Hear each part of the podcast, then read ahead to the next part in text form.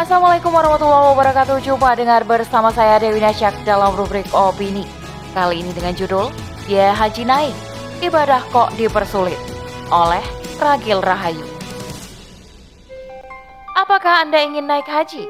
Sayangnya, jalan menuju ke Tanah Suci makin terjal karena biayanya akan melonjak drastis.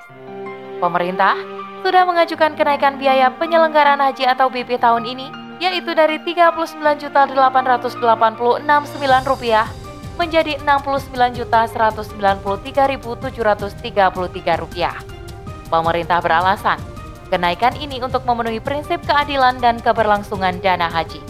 Pemerintah juga menyampaikan bahwa kenaikan biaya haji ini sulit dihindari karena dipicu kenaikan biaya berbagai komponen, baik di tanah air maupun di tanah suci.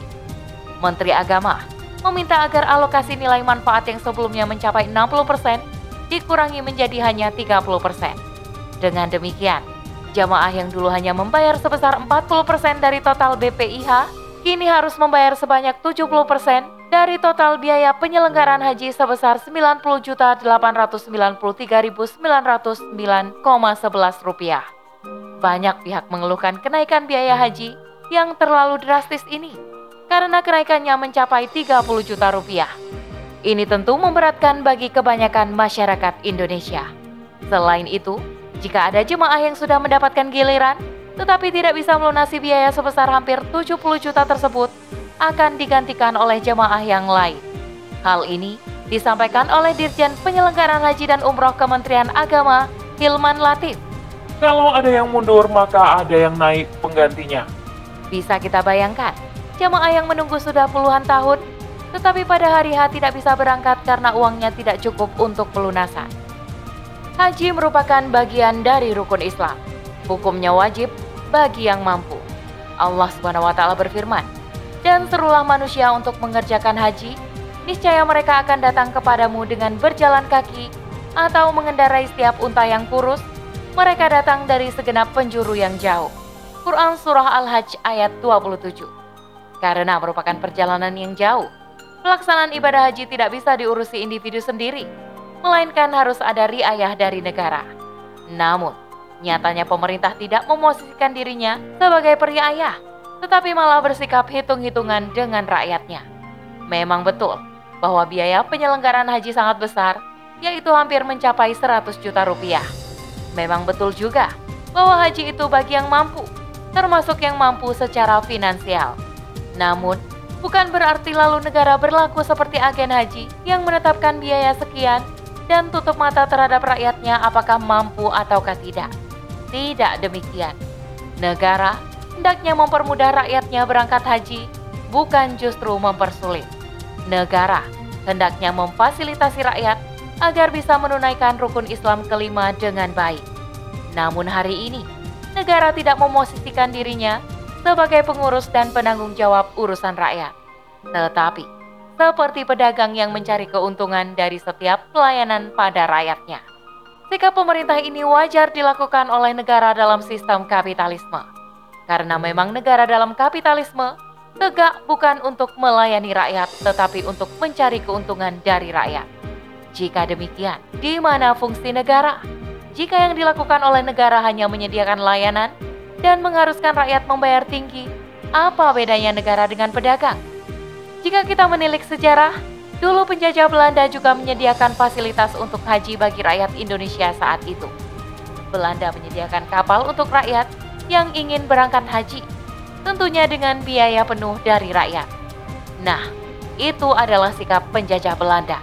Lantas, pada era saat ini, yang katanya kita sudah merdeka, pantaskah negara bersikap seperti itu? Saking ruwetnya penyelenggaraan haji di Indonesia, ada yang usul agar biaya perjalanan haji yang rakyat bayarkan sebesar 100% biaya penyelenggaraan haji. Jadi, besaran BP disamakan dengan BPIH.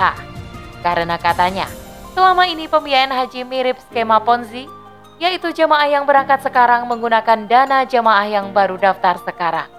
Sementara itu, konon dana yang sudah disetor jemaah sebesar 25 juta rupiah dan dikelola Badan Pengelola Keuangan Haji atau BPKH kian menipis dan tidak mencukupi untuk menyubsidi jemaah secara terus-menerus. Hal ini menjadi pertanyaan publik. bagaimana bisa dana yang sudah diinvestasikan bertahun-tahun dan bahkan puluhan tahun tidak bisa berkembang sedemikian rupa sehingga bisa meringankan ongkos haji yang rakyat bayarkan. Lebih lanjut, transparansi pengelolaan dana milik umat ini pun menjadi pertanyaan besar rakyat. Apakah negara benar-benar amanah? Sampai-sampai muncul spekulasi bahwa dana haji digunakan untuk pembangunan infrastruktur. Apalagi ada info bahwa pemerintah Saudi Arabia menurunkan harga paket haji. Lantas bagaimana bisa bipih malah naik? Sikap pemerintah yang hendak berlepas tangan dalam hal pembiayaan haji ini sungguh jauh berbeda dengan profil negara dalam sistem Islam. Khilafah memosisikan dirinya sebagai roin dan mas'ul, yaitu pengurus dan peng yaitu pengurus dan penanggung jawab urusan rakyat, apalagi terkait ibadah haji yang termasuk rukun Islam. Khilafah menyediakan fasilitas yang memudahkan rakyat untuk menjalankan ibadah haji. Dan semua fasilitas itu disediakan secara murah atau bahkan gratis, sehingga semua rakyat bisa menikmatinya. Sebagai contoh, Khalifah Harun ar-Rashid setiap tahun selalu menunaikan ibadah haji dengan mengajak 100 ulama lengkap dengan keluarga mereka. Ketika beliau sedang berjihad, sehingga tidak bisa berhaji, sang khalifah membiayai 300 rakyatnya untuk pergi haji. Beliau menanggung semua biaya dan bahkan masih memberi perbekalan, pakaian, dan lain-lain. Pada masa Utsmaniyah, persiapan haji sudah dilakukan tiga bulan sebelum keberangkatan. Khalifah memerintahkan lajnah khusus urusan haji untuk memonitor dan memperhatikan semua urusan haji di seluruh wilayah Islam. Khalifah juga menginstruksikan kepada para wali untuk menyiapkan sarana dan prasarana yang dibutuhkan untuk penyelenggaraan haji. Khalifah Utsmaniyah juga memastikan keamanan bagi para jamaah dalam perjalanan haji.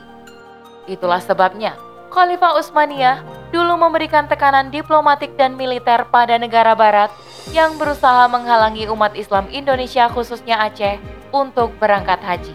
Selain itu, Khilafah juga menyediakan sarana dan prasarana haji secara gratis. Contohnya adalah pembangunan saluran air untuk minum jamaah haji sebagaimana yang dilakukan oleh Zubaidah binti Ja'far, istri Khalifah Harun ar-Rashid, penguasa Abbasiyah. Pembangunan saluran itu dilakukan dengan dana pribadi dan disediakan gratis bagi rakyat. Pada masa Utsmaniyah, Khilafah membangun jalur kereta Hijaz untuk memudahkan jamaah haji melakukan perjalanan ke Mekah. Jalur kereta ini menghubungkan negeri-negeri muslim sehingga sangat bagus untuk memperlancar ibadah haji. Rakyat dari seluruh penjuru dunia pun bisa menikmati kemudahan perjalanan ke Tanah Suci dengan biaya yang murah dan bahkan ada yang gratis. Dengan pelayanan sebagus ini dalam khilafah, masih adakah yang tidak ingin khilafah? Wallahu a'lam. Demikian rubrik opini kali ini. Sampai bertemu di rubrik opini selanjutnya. Saya Dewi Nasya undur diri. Assalamualaikum warahmatullahi wabarakatuh.